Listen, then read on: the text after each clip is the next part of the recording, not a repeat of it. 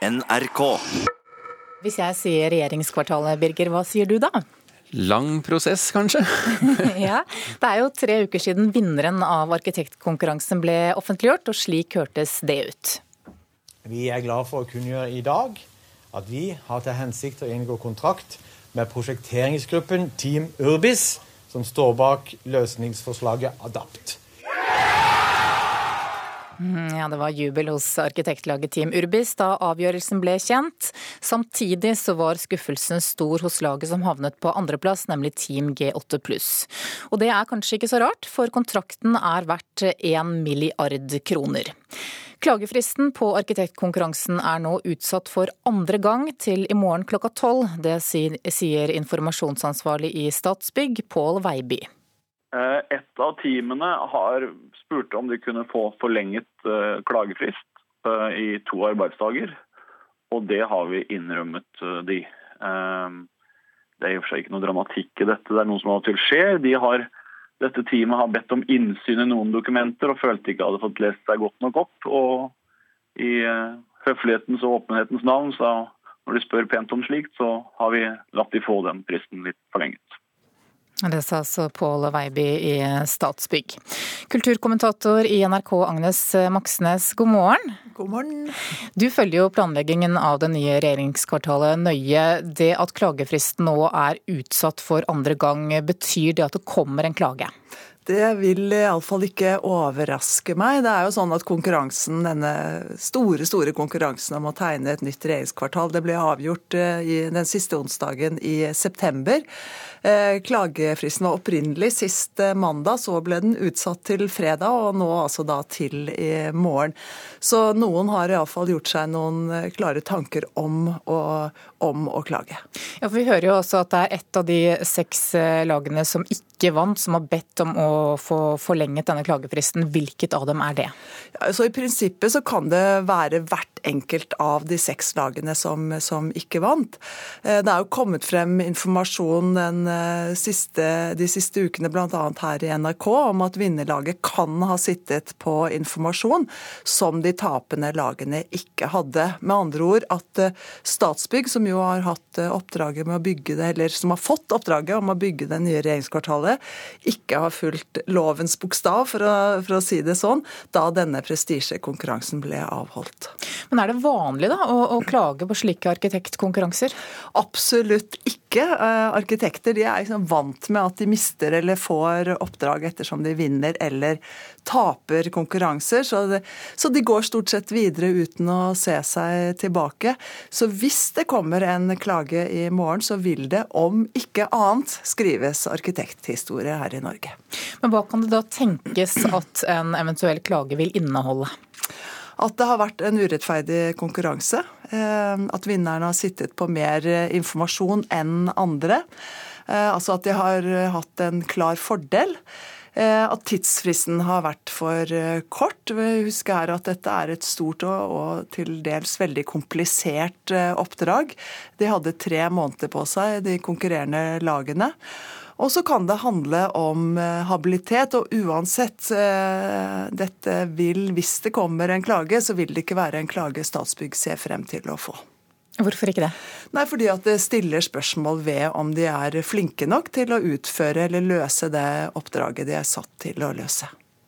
Og Det nye regjeringskvartalet det sies altså å være Norges største og dyreste offentlige byggeprosjekt noensinne. og Det er altså Statsbygg som du sier som, som er oppdragsgiver her.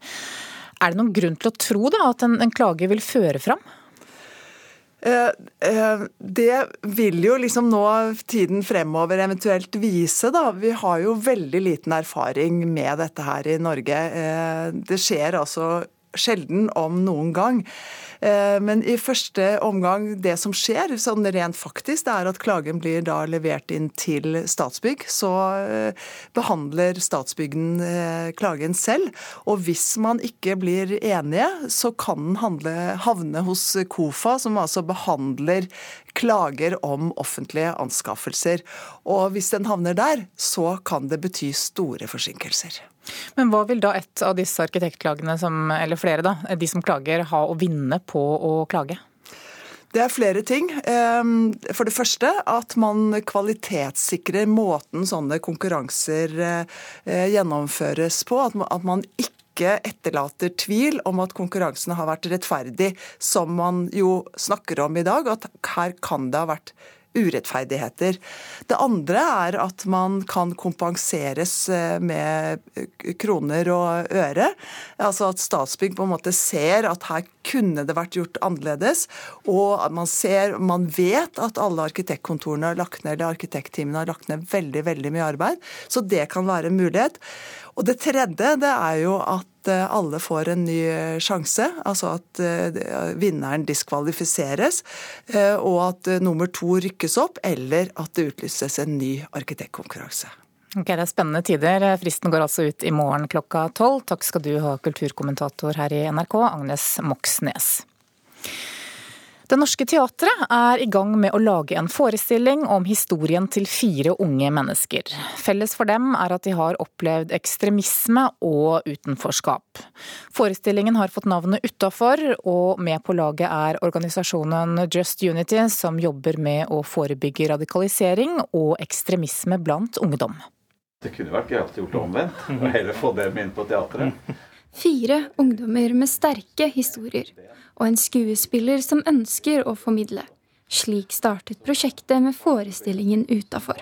Sammen med kulturminister Linda Hofstad Helland sitter de samlet rundt bordet på teatersjefens kontor hos Det Norske Teatret. Det handler jo ikke bare om religiøs dialog her, men det handler jo rett og slett om utenforskap. Faten Madia Lusaini, Josef Barto Alnai, Siri Seim Sønsteli og Tor Itai Keilen har alle opplevd ekstremisme på kroppen og det å føle seg utenfor.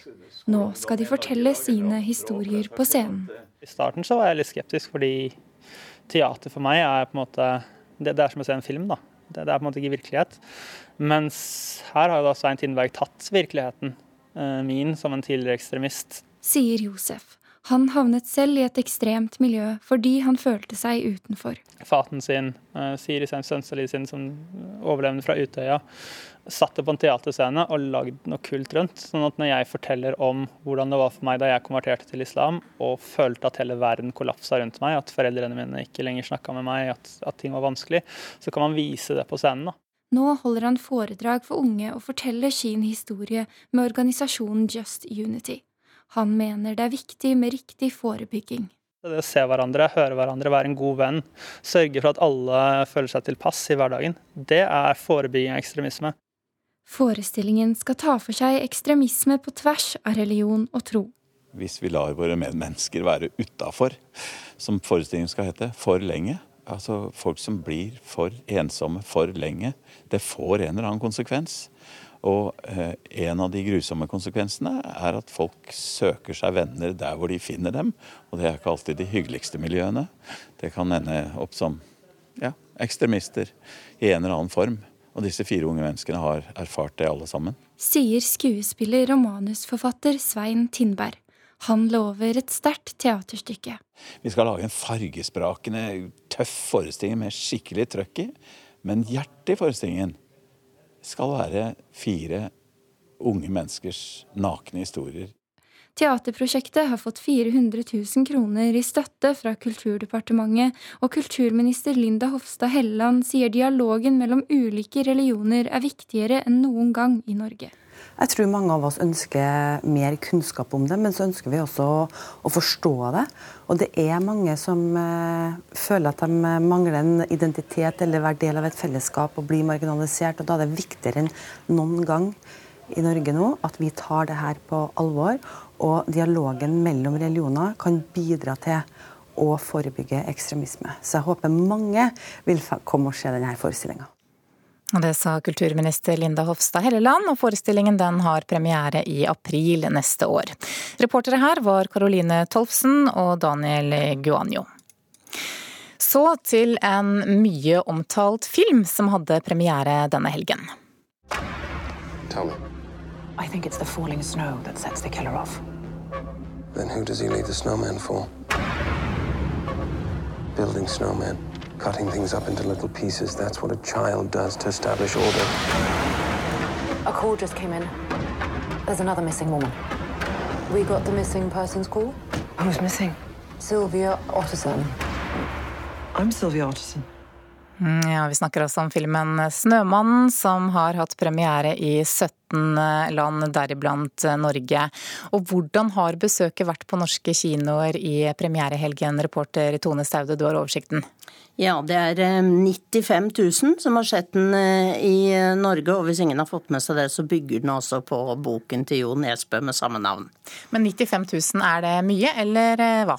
Ja, altså For å uh, fortelle litt om hva den står i forhold til, så er dette denne sterke åpningshelgen, for det er det. Den tok den inn på tredjeplass på listen over årets beste åpningshelger på kino. Altså Da er den bare slått av 'Skjønnheten og udyret' og 'Fifty Shades Darker', og den ligger foran Marcus og Martinus kinodokumentaren. Så dette må man si er eh, godt besøkt. Eh, mye bedre enn det vi hadde regnet med, sier markedssjef i UiP, Bård Flan. Og UiP eies altså av Universal og Paramount. Men eh, ja, Snømann har altså premiere i 17 land. Har du fått noen tall fra utlandet? Nei, det er nok litt tidlig. Vi ligger eh, litt foran, i alle fall eh, USA, så Bård Flan venter i spenning på det. Men den har jo fått dårlig mottakelse hos anmelderne i, eh, både her hjemme og i flere land. Men det virker da som den har fått mye oppmerksomhet. Det virker som om folk vil gjøre seg opp en egen mening for å kunne delta i diskusjonen om filmen rundt middagsbordene. Det tror i hvert fall programdirektør Kristin Berg i Nordisk film og kino. Takk skal du ha, reporter Tone Staude. Da dagens besteforeldregenerasjon var barn, så gikk nesten halvparten av dem på søndagsskolen. Slik er det ikke lenger, og det vil Trøndelag Teater gjøre noe med.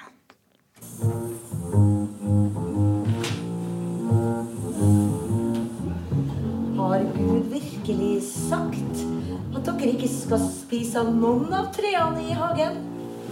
Vi kan spise av trærne i hagen, men om frukten på treet som står midt i hagen, har Gud sagt.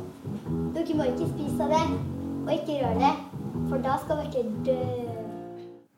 Ja, Karen Frøsland Nystøyl, teaterkritiker her i NRK. Dette var altså et lite utdrag fra forestillingen Søndagsskolen, som hadde premiere ved Trøndelag Teater på lørdag. Du var der, eh, og aller først, eh, hvilken del av bibelhistorien er det vi hørte her?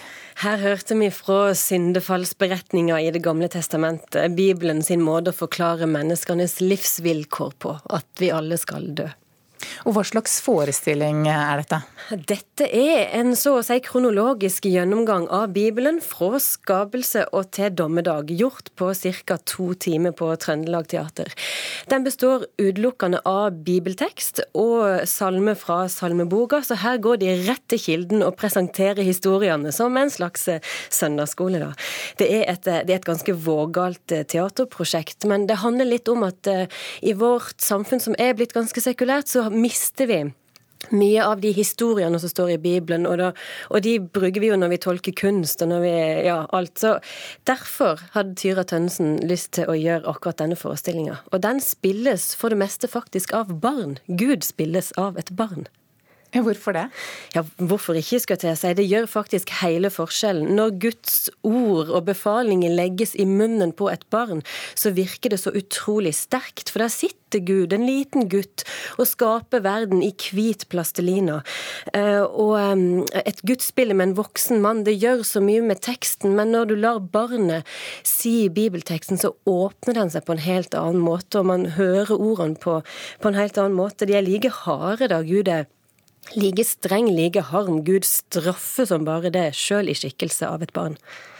Hva med salmene, hvordan brukes de i forestillingen? Der har de henta fram mye kjent materiale som hele veien kontrasterer det vi ser på scenen. Eksempel når Gud befaler Abraham å ofre sin eneste sønn Isak, så er det jo bare sekunder om å gjøre før Abraham faktisk ofrer sønnen sin, men Gud griper inn og stopper han. Og da synger de denne, denne barnesangen 'Ingen er så trygg i fare' etterpå, som mange sikkert har gode minner knytta til. Men når den settes opp mot en så hard fortelling, en så hard Gud, så setter ord og tone seg nesten fast i halsen. Altså det, det, det, treffer utrolig godt på en annen måte enn jeg hadde regna med da, akkurat i salmene. Mm. Blir det bedre da når Jesus kommer? Ja, Jesus fikser jo opp det meste. Han, det er en annen historie. Jesus spilles av ei jente på rundt 13 år. så rett fram, så inderlig og samtidig like til. Eh, og det fungerer så utrolig godt. Hele, hele forestillinga er gjort med en respekt for teksten, og for at de som sitter i salen har et forhold til denne teksten. Og jeg har lyst til å trekke fram Tor Ivar Hagen spesielt, som uansett hvilken rolle han har, om han er Gud eller om han er en profet eller hva, hvem han er, spiller med en varhet overfor det store følelsesregisteret som disse fortellingene kan vekke i publikum. Både av vanskelige følelser og av gode. Og Det, det syns jeg er godt gjort, og denne varheten kjennetegner egentlig hele oppsetninga av søndagsskolen. Ok, så Hvis jeg skal tolke deg rett, da, så er det verdt å ta en tur på, på søndagsskolen? Ja, det er et vågalt teaterprosjekt, men, og det er, så, det er, så, fint gjort, syns jeg. Og aldri før har jeg opplevd en sånn konsentrasjon i en teatersal som nettopp her. Karen Frøsland Nystøl, teaterkritiker her i NRK, takk for at du kom til eh, Kulturnytt. Klokka nærmer seg 8.30, og vi skal ha Dagsnytt her i Nyhetsmorgen.